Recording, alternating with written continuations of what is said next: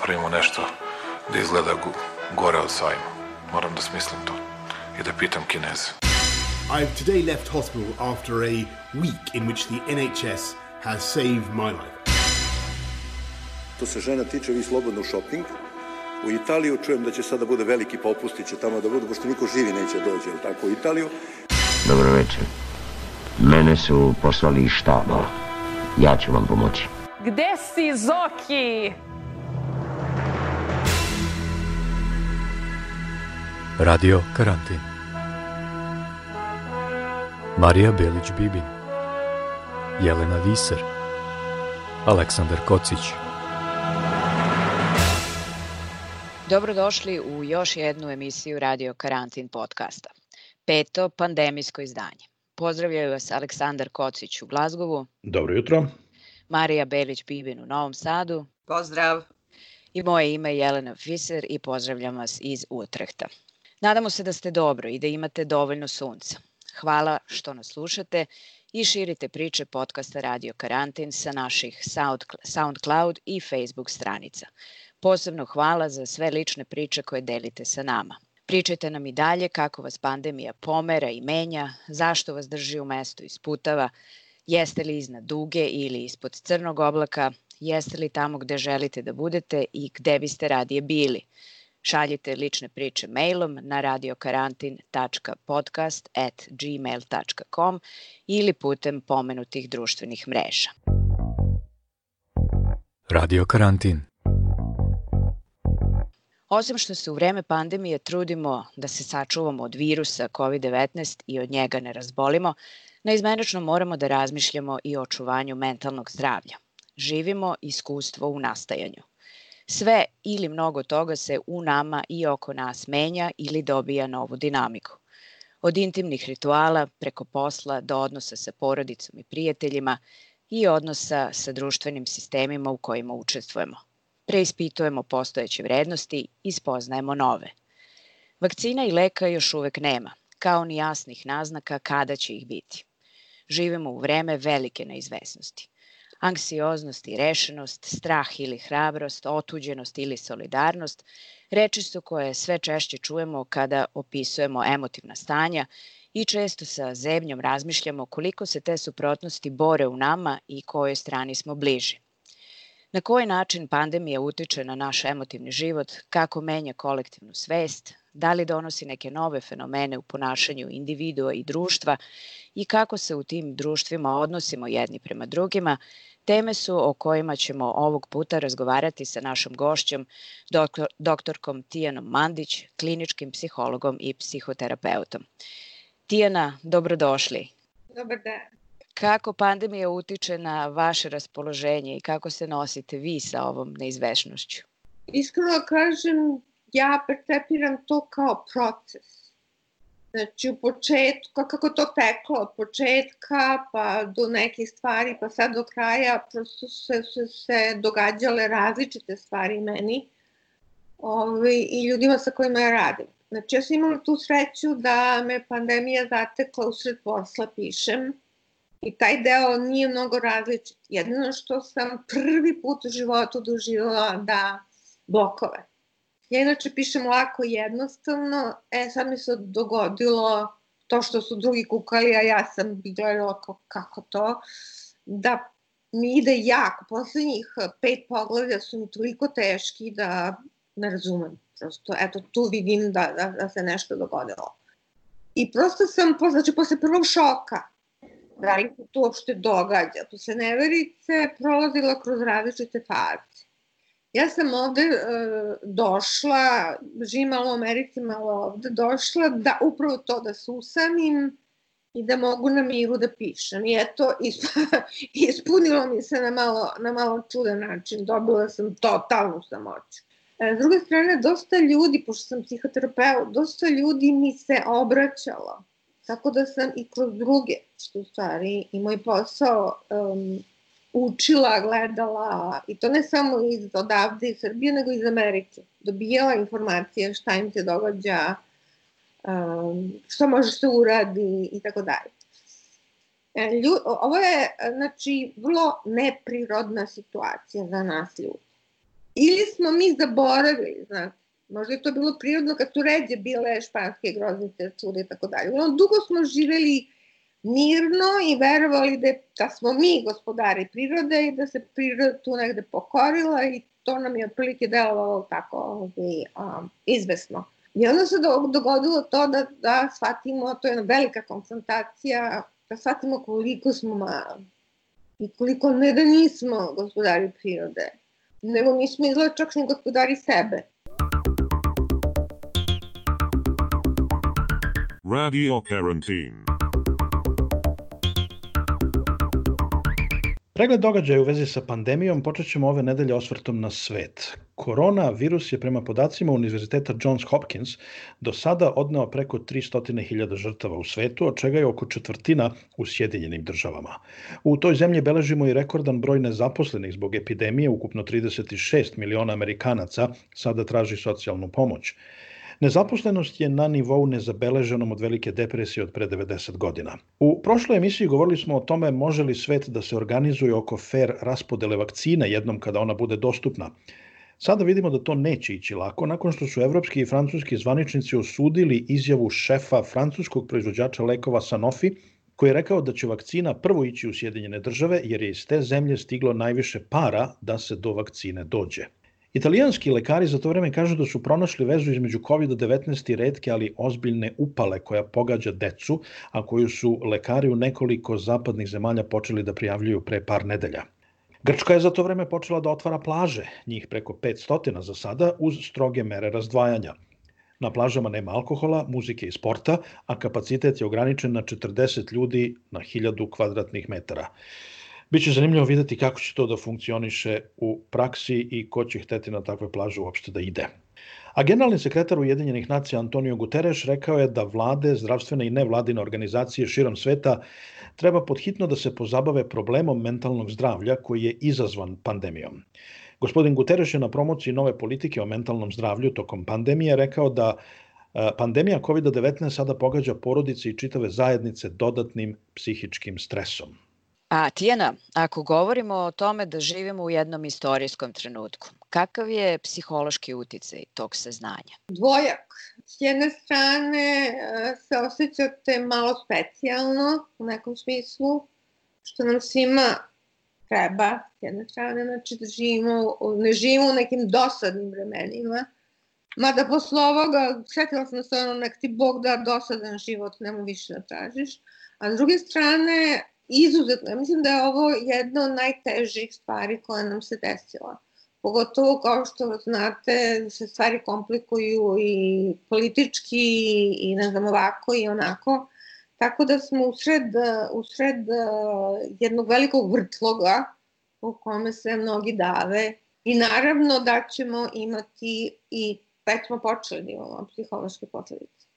Ja sam igrom slučaja ili vidovitošću mog šefa upravo napisala knjigu prošle godine sa kojom sad puno radimo o posttraumatskom stresnom sindromu i prošlo kroz ta istraživanja koja, koja nam govore, znate šta, mi, smo, mi, smo, mi svi imamo tačku loma.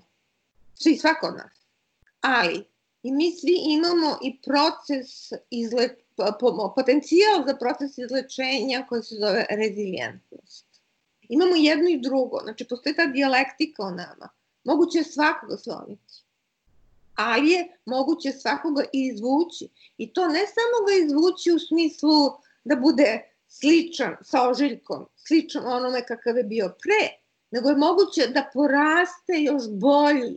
Ovo zvuči totalno ovaj, iracionalno da poraste još, da poraste još bolji nego što je bio. Upravo zbog toga što ste spomenuli što ljudi preispituju svoj sistem vrednosti, svoje emocije, svoje ponašanja, svoje izbore i tako dalje. A možemo li mi, Tijana, da ova sada neka iskustva u pandemiji COVID-19 poredimo sa nečim što se čovečanstvu desilo u istoriji, pa da kažemo da možemo da predvidimo te neke pandemijske traume i, i neka neka post-traumatska ovaj, osjećanja, emocije i poremećaje koji su se nekada dešavali sa ovim danas? Ili je ovo ipak neki jedinstven slučaj? E, znate šta, u starim tim izučavanjima trauma su se delile na dve, dve velike kategorije. Traumu koju vam nanosi čovek i ne znam iz kog razloga su to nazvali traumu koju vam nanosi Bog. To je pogrešan naslov, ali u to spadaju, u to spadaju ove traume koje stvari nanosi priroda i tako dalje. Tadašnje istraživanja su pokazala da ako se, ako se osobi desi isti problem, znači ne znam, ženi pogine muž, ali ga ubije vojnik, ili ženi pogine muž od groma, drugačije reagovamo. To je, tada smo nalazili da ove traume date od Boga lakše podnosimo nego ove traume nanesene na ljudske ruke.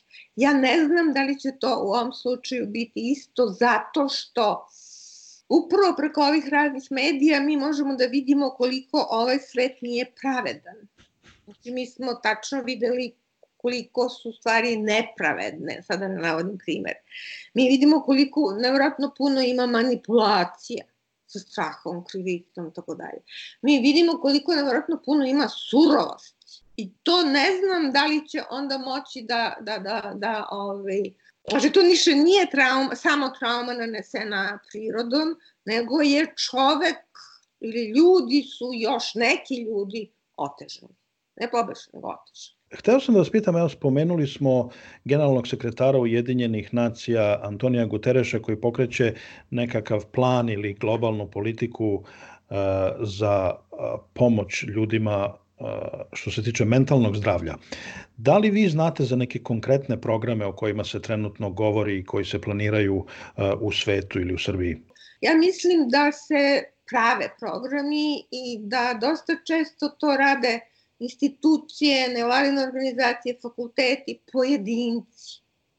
Mislim da države malo kaskaju zato što negde ne percipiraju te psihološke probleme kao relevantne.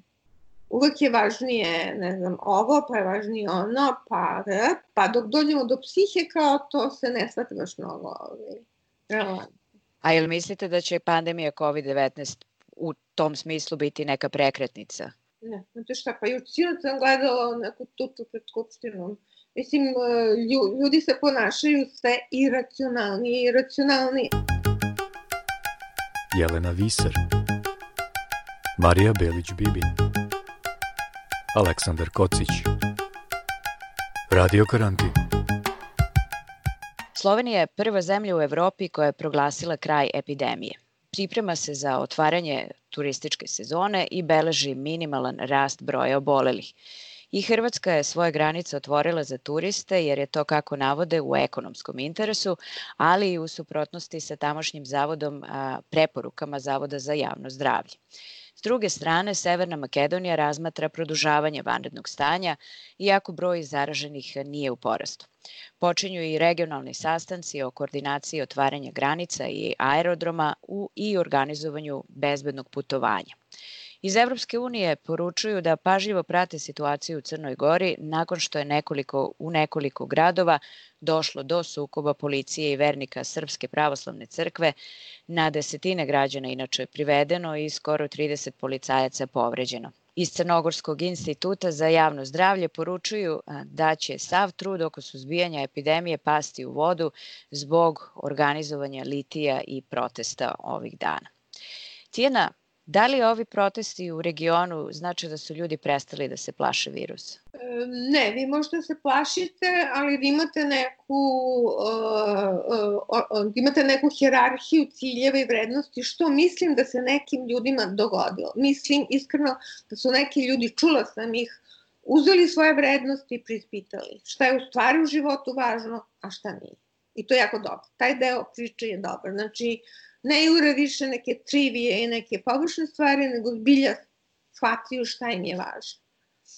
S druge strane, sa ljudima je, nažalost, pogotovo ovako, u ovakvom stresu ljudi, u ovakvoj traumi je jako lako manipulisati. Znači, izuzetno je lako ovaj, manipulisati, pogotovo ako se vođe predstavi da zna, da ume, da razume i da će nas izvesti na bolji put. Htela sam s tim u vezi da vas pitam koliko je zapravo važan način na koji se o nekoj pojavi govori. Veoma često se o koronavirusu govori kao o tom nevidljivom neprijatelju protiv koga ćemo se boriti, izboriti, koga ćemo pobediti, s kojim ćemo se obračunati, dakle gotovo militantan ton. A s da. druge strane, ređe se o njemu govori kao pojavi, izazovu ili realnosti. A, o kakvoj kolektivnoj svesti govorimo kada se pred nju stavi neprijatelj, a kakva je ona koja se suočava sa izazovom realnosti? Ja vam kažem, ja sam tu vrlo skeptična i uopšte ne vidim e, da se da kolektivna svest raste i razvija se napred. Mislim da kolektivna svest takođe regredira. Izuzetno mi je žao što Freud nije živ da vidi I ako se pojavi sa neko i kaže mi čovek je racionalno biće, ja ću kažem, pogledaj malo, pogledaj, molim te malo. I to ne samo u Srbiji, pogledaj u Americi što se događa sa, sa predsednikom i njegovim odlukama i odnosom prema narodu i tako dalje. Kada je jedna vlast apsolutno prešla granicu i zašla u zloupotrebu situacije i ugrožavanja emotivnog zdravlja naroda i koliko je to opasno, kakve dugoročne posledice ima? Ja mislim da se to dogodilo i pre korona, kod nas i u Americi prosto kad imate pogrešne ljude na pogrešnom mestu koji vode čitav jedan sistem, postoji velika verotnoća da će ceo sistem da ide u nekom pogrešnom smeru, da će se razviti nešto što je jedna italijanka nazvala psihopatologija sistema u kojoj vladaju sad sve ove iste stvari, nepravda, laganje, nepoverenje, manipulacija, poniženje i tako dalje. Znači, ne, neko davno neko davno je još rekao, znate šta, sa uplašenim, izmanipulisanim ljudima ćete mnogo lakše upravljati nego sa svesnim, integrisanim, zrelim ljudima. Kako onda tumačite uh, ovog stand-up komičara Nestorovića, koji je prvo govorio da se koron, da koronavirus ne postoji, da treba se ide u shopping u Milano, da se to leči rakijom i belim lukom. I evo sad je na RTS-u rekao da se tranzicija kod ljudi u Srbiji od straha do potpunog opuštanja kada je epidemija u pitanju dogodila preko noći i da se najveći broj ljudi ponaša kao da virusa nikada nije ni bilo. Ako je on u pravu, da li je to dobro, da li je to zdravo reagovanje? Znate šta? Ili je bolje ovo što mi imamo u Britaniji gde smo sad svi istraumirani i gde uh, ankete pokazuju da se ljudi ovde najviše u Evropi boje ukidanja karantina i traže da karantin ostane na snazi. Znate šta, ne valja ni jedno ni drugo. Vi ste imali jednu vrstu manipulacije, mi smo imali drugu vrstu manipulacije. Kod nas u psihologiji, kad neko kaže svi ljudi su uvek nama odno uši ovako, to kako se ljudi uvek. Ima jedan u Kini koji nije. Znači, kad neko krene sa tim uh, overgeneralizacijama koje su zvučne pa još emotivno nabijene, imaju potrebu da, mislim, taj čovek, ja, ja, ja ga ne znam, on prosto ima potrebu da zaseni, da bude, on je prilično ovako zabavan, mislim. Mene, mene tu zgražava kako, kako ne postoje nikakve posledice. Prosto živimo u vremenima da svako može kaže svašta sem ako ne uvredi neke jel, zabranjene, može svašta da kaže i sutra se predomisli i kaže, ups, ono što je zajedničko, nažalost, u svim tim manipulacijama, da je čovek, nažalost, na poslednjem mestu. Razgovarat ćemo sa vama malo kasnije o takozvanim nevidljivim grupama u društvu i njihovim životima u vreme pandemije. A pre toga slušamo ličnu priču novinara i pisca iz Beograda Borisa Drenče. Borisu je pre više godina diagnostikovana multipla skleroza i on sa nama deli priču o tome kako u tom kontekstu izgleda njegova svakodnevica tokom pandemije. Ta izolacija je samo izolacija u kojoj sam vezana je u neku ruku i za moj zdravstveni problem. Sledeće godine će recimo biti 18 godina od kada je meni utvrđena multipla skleroza. Ljudi sa tom diagnozom nisu među najugroženijim kategorijama od koronavirusa, ipak ne može se reći da je stvar potpuno bezazlena. Ja sam, na primjer, jedan od obolelih sa lakšom slikom oboljenja. Samostalno se krećem, samostalno funkcionišem, bez mnogo ograničenja, ali ja mogu za sebe da kažem da imam sreće jer mi je takav bo oblik bolesti. E, multipla skleroza je poznata kao bolest sa hiljadu lica, tako da postoje od nas, koliko nas ima, 7-8 hiljada u Srbiji, veliki broj ljudi ima ozbiljnije i češće probleme nego ja i ima češće potrebe da bude pod lekarskom negom.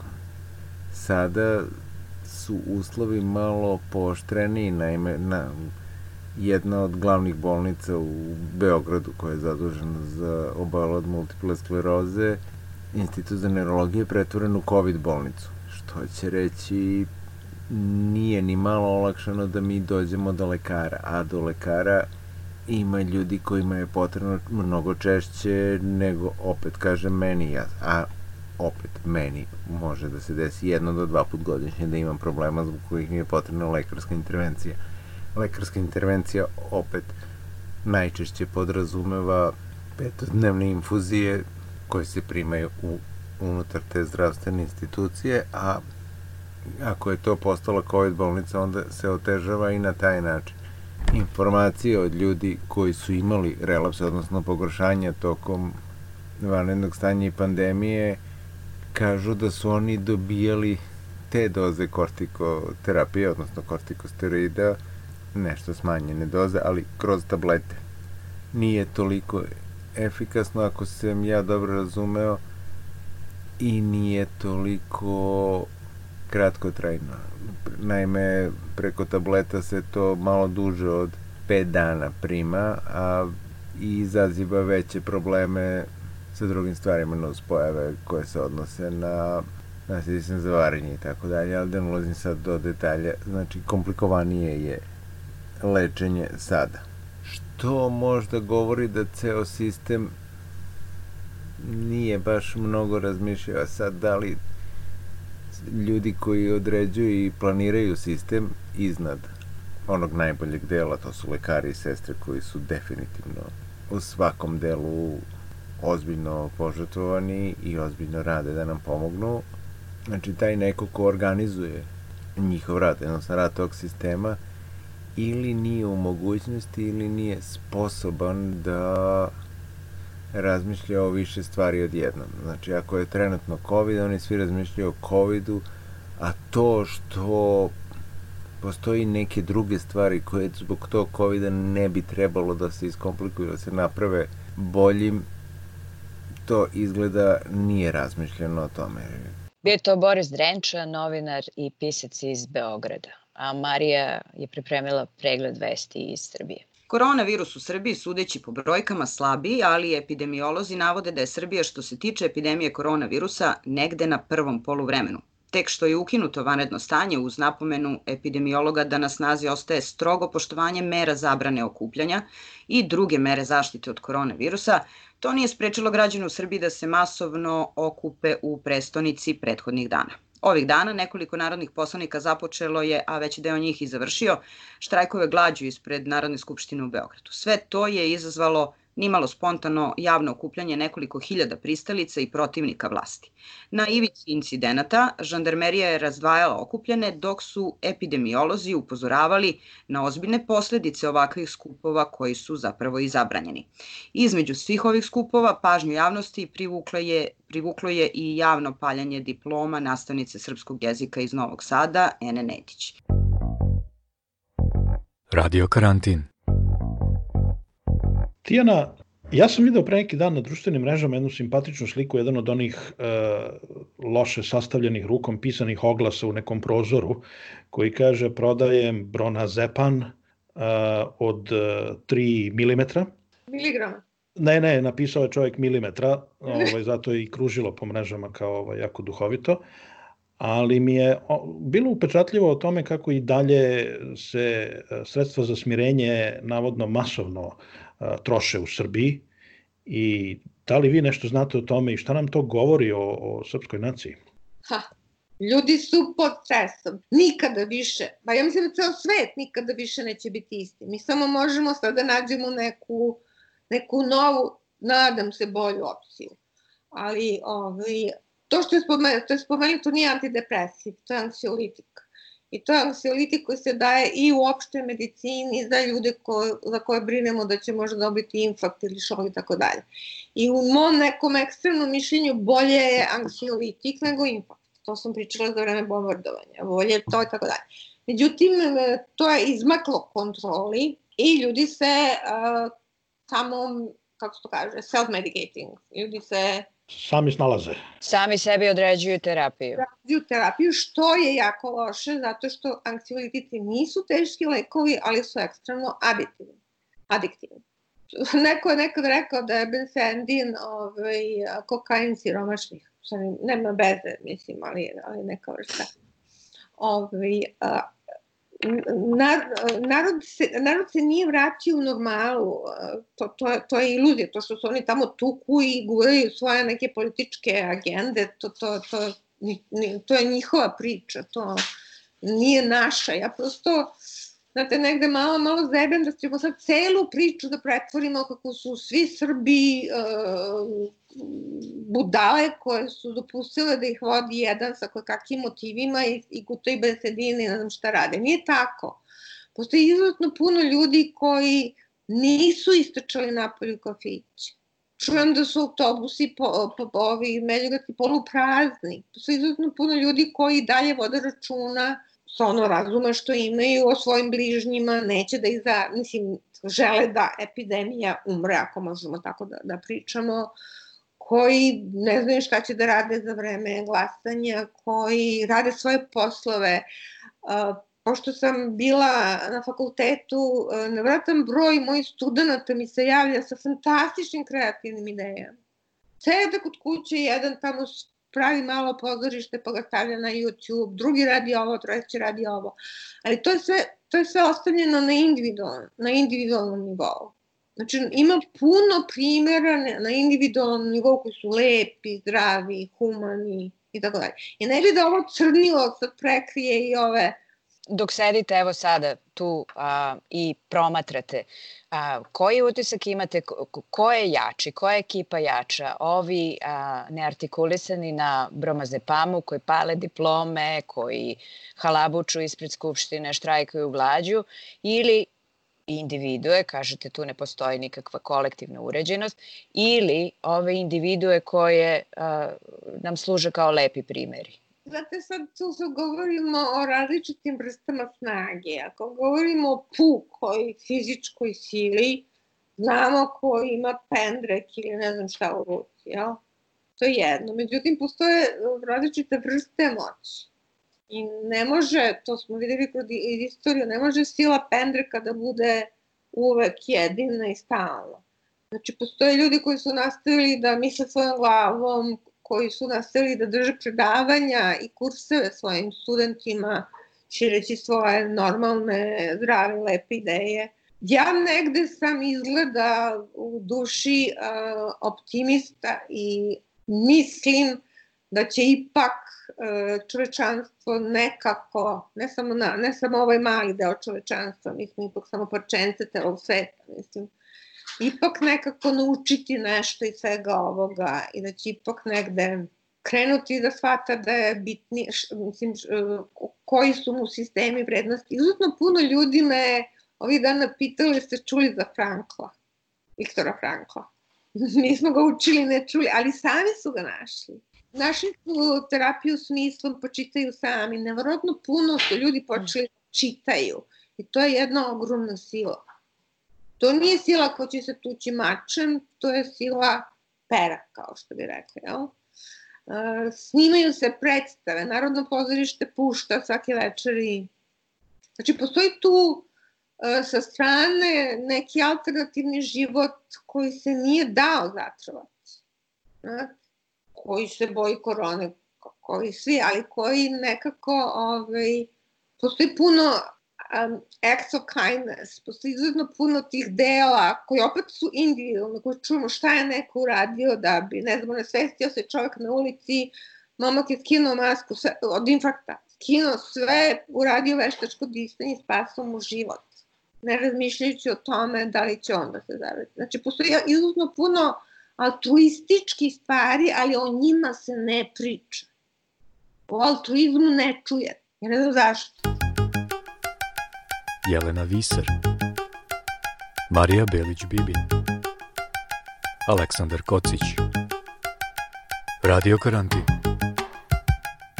Vladislava Filipovski majka je deteta sa cerebralnom paralizom i kaže za radio karantin da joj je sama reč bolest postala veoma mrska, a posebno sada tokom pandemije. Tokom izolacije svoj mir pronašli su boraveći u prirodi i pored reke. Dobar dan, ja sam Vladislava Filipovski, mama sam Nine Sofije i Ane Iris koja ima sad 11 godina i cerebralnu paralizu teži oblik. Iz straha još tada još ni istražena dovoljnog virusa COVID-19, već oko drugog, trećeg obavestila sam učiteljicu i razrednog moje dece. One neće više ići u školu, jer smo cijelu zimu bile bolesne od svakakih virusa. Strah je čudo. Svi planovi su se promenili i mi smo se vratili na kurs samo da budemo zdravi. Mrzim bolesti, ja čak nemam više snage ni za tu reč, ni za tu pojam, znači mrzim ih. Hoću da smo zdravi, srećni i da živimo puni plućima. A onda dođe COVID, pandemija, vanredno stanje. Za nas počinje proleće. Divno vreme napolju tad i mi u kući zatvoreni, bez kontakta sa drugim ljudima i razmišljanjem šta ćemo za jelo i kako iskoristiti vreme i dan što bolje ostati normalan. Normalan, a da se ne nerviram što Ana, koja je tad već vežba satima svakodnevno kad se rodila, sad više to nema. Fizikalni tretmani nedostaju logopedi, treninzi snage, a ja ne mogu ništa i nigde sa njom.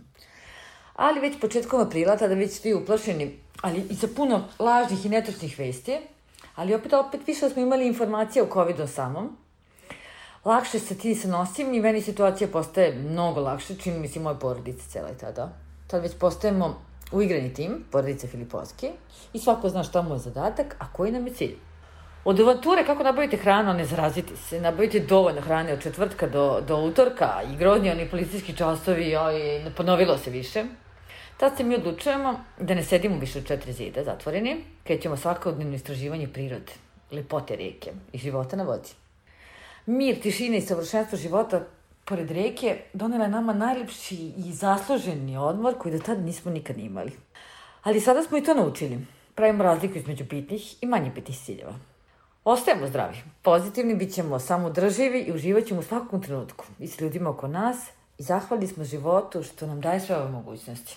Volimo vas puno. Pozdrav veliki. Marija Belić-Bibin Jelena Viser. Aleksandar Kocić. Radio Karantin Dok se u Evropi i svetu beleži porast porodičnog nasilja u vreme mera izolacije radi sprečavanja širenja koronavirusa, u Srbiji prema zvaničnim podacima MUPA i tužilaštva broj prijavljenih krivičnih dela opao. S druge strane, podaci kada je reč o SOS telefonima i nevladinom sektoru pokazuju da imamo više prijava nasilja nego što je bilo pre epidemije. Od uvođenja vanrednog stanja u Srbiji zbog epidemije koronavirusa, jedna žena je čak ubijena u porodičnom nasilju. Zbog toga razgovaramo sa Mirjanom Mitić, socijalnom radnicom ispred organizacije Autonomni ženski centar. Mirjana, kakvim vi podacima raspolažete? Kao što ste i, i sami rekli, statistika u kojoj MUP i Koordinacijona telo za rodnu ravnopravnost vlade Republike Srbije govori o smanjenju broja prijava nasilja, međutim, s druge strane, broj pozova upućenih Autonomnom ženskom centru posle prve dve nedelje u kojima je zabeležen pad, u druge dve nedelje vanrednog stanja raste i u tokom prvih mesec dana vanrednog stanja Autonomni ženski centar je pružio, to jest Autonomnom ženskom centru se javilo tri puta više žena nego u običajnim okolnostima, pri čemu se mora dodati, to jest uzeti u obzir da je SOS telefon zbog organizacije, izmenjene organizacije posla bio dostupan samo u prepodnevnoj smeni. Ono što je možda interesantno jeste da pored velikog broja poziva koji je upućen na SOS telefon, aktivno smo koristile poruke preko maila, preko Vibera, Whatsappa, Facebook poruka, zato što smo smatrale, baš to što ste rekli, kada je žena zatvorena, nekako prosto moralo da se obezbedi način da nam se ona obrati, a da to nije poziv, jer smo svesne prosto da, da mnoge žene će biti u mogućnosti samo da nam se obrate pismenim putem. Šta su žene najčešće prijavljivale? Prijavljivale su najčešće različite oblike psihičkog nasilja tog vanrednog stanja i naravno ekonomsko nasilje, posebno u vidu nedavanja izdržavanja, a prijavljenih slučajeva fizičkog nasilja, nasilja je bilo najmanje, iako njihov broj svakodnevno, zaista svakodnevno raste nakon što je završeno vanredno stanje. One su se javljale u početku najčešće zbog tih, da kažem, nedovoljno jasnih informacija koje su im trebale o radu institucija. Tako da ovaj, u tom smislu smo mi dosta morale da, da, da se obraćamo institucijama, da tražimo njihovu saradnju kako bismo te, te informacije mogli da, da, da prosledimo ženama.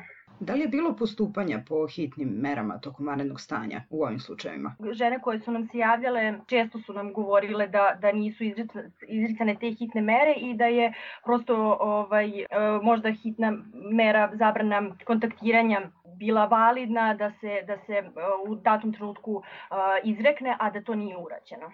A što u slučajevima kada žene ne mogu da napuste taj prostor u kom žive sa nasilnikom? Nekako ti svi neki planovi, individualni planovi, sigurnosni planovi a, žena koje preživljavaju to su malo u vodu onog trenutka kada su one bile, da kažem, zatvoreni i mislim da ih je to dosta razdrmalo, njihove temelje preživljavanje dosta razdrmalo i da će sad morati iznova da prave, pričamo o ženama koje su prosto na neki način zavisne od nasilnika i ne, nisu u situaciji da ga napuste. Ovo, mislim da će ovo dosta izmeniti njihove situacije preživljavanja, ali vidjet ćemo.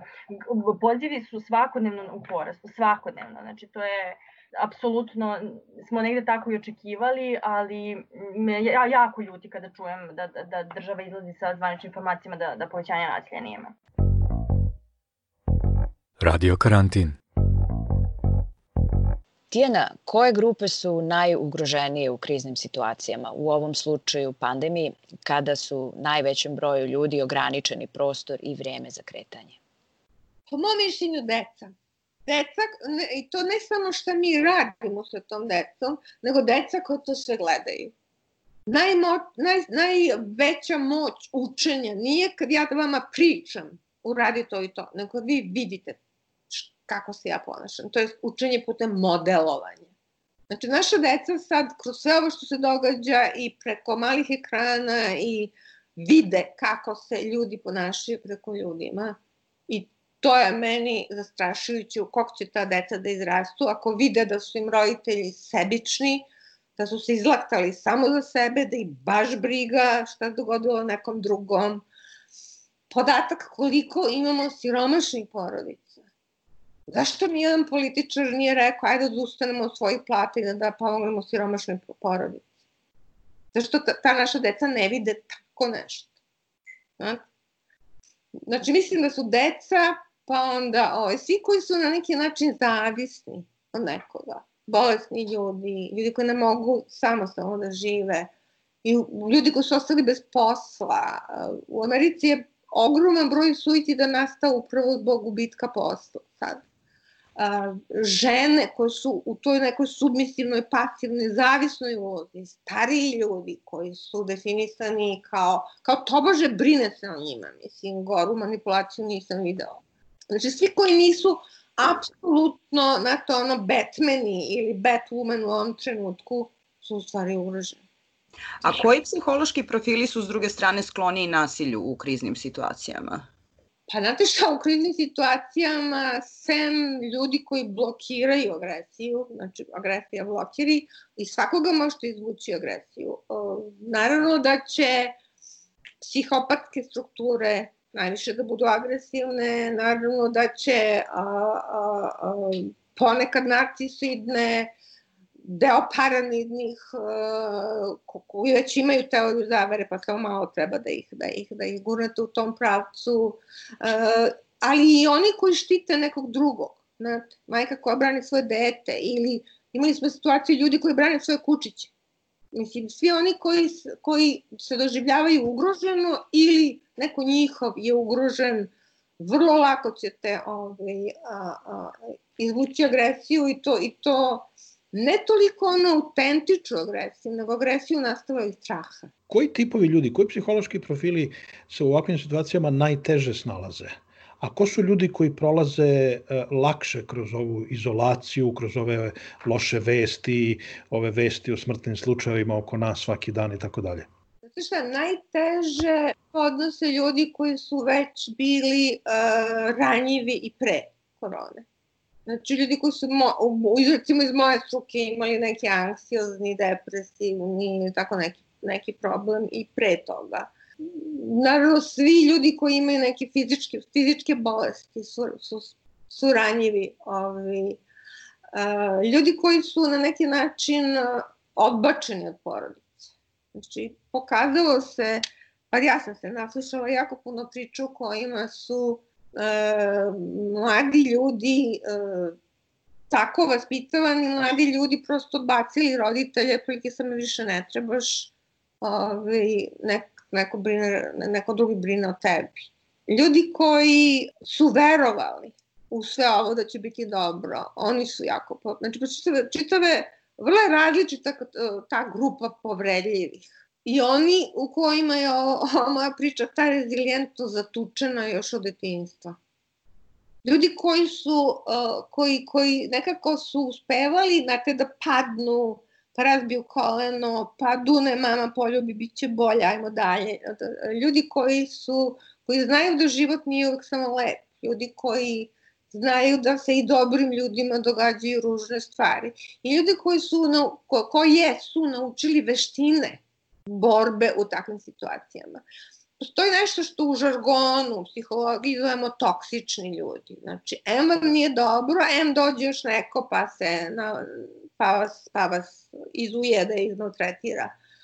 Ljudi koji ne umeju sa toksičnim ljudima, sada je bilo povremeno potrebno nekim ljudima postaviti granicu, reci nemoj mi više pričati ovaj, te mračne. M, pi, M pišem o suicidu, M gledam vestima, nemoj mi, za danas dosta, ajde kaži mi nešto lepo ljudi koji ne umeju to, ljudi koji ćute i gutaju taj mrak i mm, e, vrlo često introvertovani, vrlo često a, pesimisti, cinici, to, to je zanimljivo. Cinici su dosta stradali, jer cinizam bio odbrana, od, pa ta sad odbrana u ovakvoj situaciji ne, ne funkcioniše. Imamo ogromnu kategoriju ljudi koji će biti, ovaj, kod koji ćemo tek videti kud je povreda otišla. Ljudi su skloni teorijama zavere. To je otišlo. A dokle stigla empatija? E, opet vrlo, vrlo različito. E, e, ne, ne vidim je, ne vidim je, ušte ne vidim mnogo na, na, na globalnom nivou, no, možda zato što ne izlazim puno, znak. Mnogo je više vidim tako po nekim malim grupama, na individualnom nivou, Ima je izuzetno puno i možda bi čak mogli da pričamo o nekom balansu. Znate, kao što je za vreme bombardovanja bilo neverovatno puno empatije. Tako se i sada pojavljuje onako da se smrznete od lepote i dobrote kad neko uradi tako neki lep, lep gest. Ali opet vidite, to, to se ne prikazuje, o tome se ne priča, to se ne podkrepljuje, to se ne modeluje. Deca se ne uče da je to iz traume a ne obrnuto. Marija Belić-Bibin, Jelena Viser, Aleksandar Kocić, Radio Karantin. A, muzički miks je jedna od naših redovnih rubrika. Ove nedelje je rezervisan za muzičare koje je odneo koronavirus. Nažalost, spisak žrtava virusa među muzičarima sve je veći i mi ovde nemamo vremena za sve njih. Ali ipak ovo je naša mala posveta onima koji su nas radovali i oplemenjivali svojom muzikom, a kojih više nema. No more heroes anymore.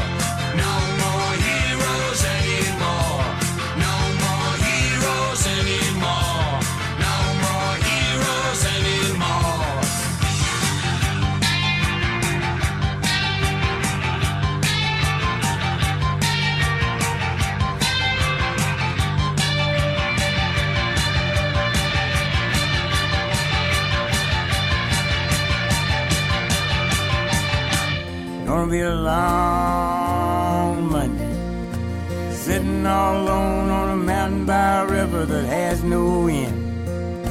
It's gonna be a long Monday, stuck like a tick of a clock that's come unwound again and again.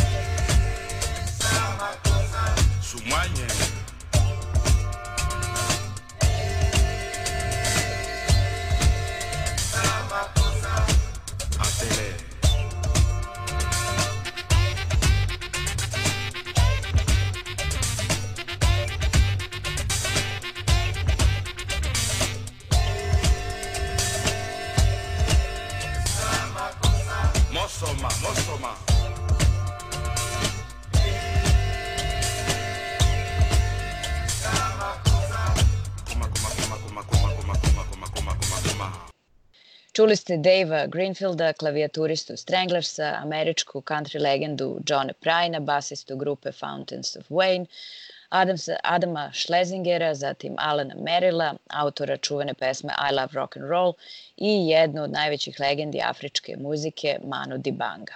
Da se vratimo mi ovoj afirmaciji pozitivnih vrednosti. Broj samoubistava u Japanu u, pri, u aprilu opao za 20% u odnosu na april prošle godine.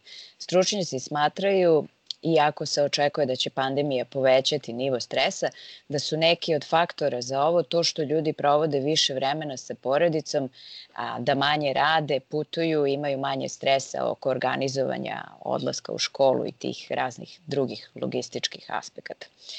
A, Tijena, koji su pozitivni aspekti pandemije, izolacije i vanrednog stanja?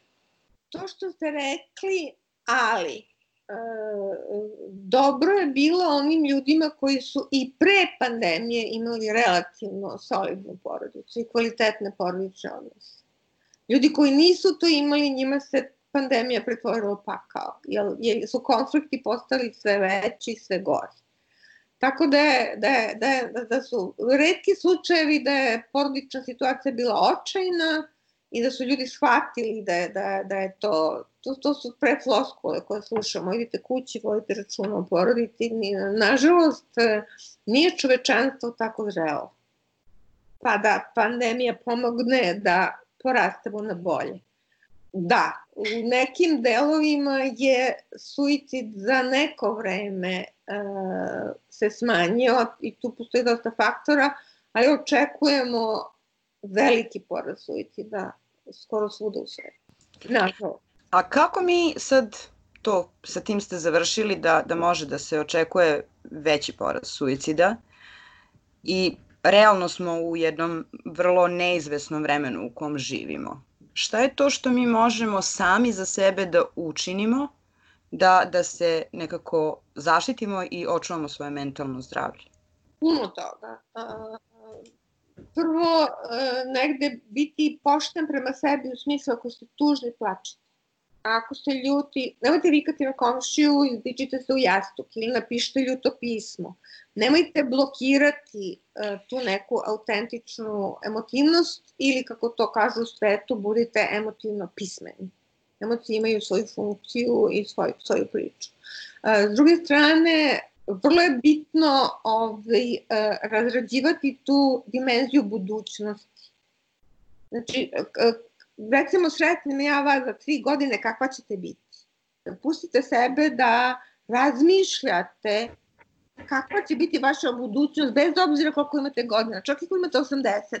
obzira na neizvesnost, hajde da ipak negde vidim sebe i da nešto planiram. Da, da to je recimo jedna od posledica pandemije, su ljudi počeli da žive samo ovde i sada. Zaboravili su lepe stvari iz prošlosti, za koje se inače mi držimo i trebaju nam u terapiji, a ne vide se u budućnosti. Tako da radimo na tome, ok, ako ne možeš sada, ajde sutra. Sutra nešto lepo, mislim, oplevi malo baštu, nešto uradi, ajde, da, upotrebi reč sutra. Znači, ta temporalna dimenzija je jako bitna. Onda će vas možda začuditi, ima jedna priča, postoji jako puno istraživanja da postoji nešto zovemo proces opraštanja. On je jako bitan. Znači, uh, um, proces um, zahvalnosti je jako bitan. Proces, uh, ima, ima, nekih, uh, ima jedan čitav deo psihologije koji se bavi pozitivnim rastom i razvojem. Znači, kao što postoji klinička koja gleda samo šta ne valja kod vas, tako postoji i ova pozitivna koja će naći šta je već jako u vama, koje su vam jake strane, pa ćemo na njih da nadograđujemo Ali nećemo silom, ne mogu sad silom da vas nateram da budete zahvalni, ne mogu silom da vas nateram da oprostite, ne mogu razvijanje smisla za humor, razvijanje radosti, nek to bude trunčica radosti, razvijanje, imamo, imamo sad prilično dobar repertoar uh, tih uh, pozitivnih veština, pošto smo sad skučeni na ovaj, uh, internet, ali ima jedna divna vežbica, ako ste ikad imali kuće, ko imate kuće? Evo ja. Ima mačku, a kole ima kuće, da. Pa zato onu situaciju dolazite vi od spolja, otvorate vrata i kuća vas uh, pozdravlja. Možete, možete, da, možete da se setite, da, da znate tu ljubav u očima tog kuća. Znate, vam poznate. Naravno, svaki dan to vidim. E, Doduše, ja imam hrta, tako da kod njih oni su malo tu rezervisani, ali znam o čemu pričate. Ali sad zamislite da vas neko gleda s tim očima punim ljudi. To možda bude baka, tetka, nepoznat neko. I to je nešto što želimo da vraćamo ljudima. Mogućnost da za empatiju, mogućnost za rezilijentnost, mogućnost da oproste, ali ne mislim bukvalno, pa to je jedna vrlo komplikovana. Mogućnost da budu zahvalni, mogućnost da se raduju, mogućnost da vole i na kraju najvažnije da nađu smisao života. Ono što ja volim uh, u vezi sa životom u Britaniji i mislim da je tu Balkan sličan na neki način, to je da u bilo koliko da je teška situacija i koliko da je crno, ovde, se, ovde ljudi ne gube smisao za humor, uvek ima puno crnog humora koji ja mislim da je jako zdrav. Da, ja sam odrasla na Monty Pythonu, mislim. Koji god, samo da nije da komšitak na krava tipa humor. Znači, mislim, humor je izuzetno bitan, s tim što, znate šta, ako je neko vrlo utučen, vrlo depresivno, onda je teško iz njega izvlačiti, ali naša neka poenta terapijska je pravite šale na svoj račun. I tako negde. Apropo bensedina, ja sam čuo i u čistog dobar, kaže, dođe čovjek u apoteku i kaže, molim vas bensedina, kaže, imate recept? Kaže, ne, imam srpski pasoš. Bio ovo još jedan podcast Radio Karantin. Nastavite da nas slušate, pišite nam i šaljite svoje lične priče na radiokarantin.podcast.gmail.com ili preko SoundCloud naloga i naše Radio Karantin podcast Facebook stranice. Pozdravljaju vas novinarski deo ekipe Marija Belić-Bibin, Aleksandar Kocić i Jelena Viser, kao i tehnički realizator Ivan Tomić. Do sledeće epizode, čuvajte zdravlje i budite dobro.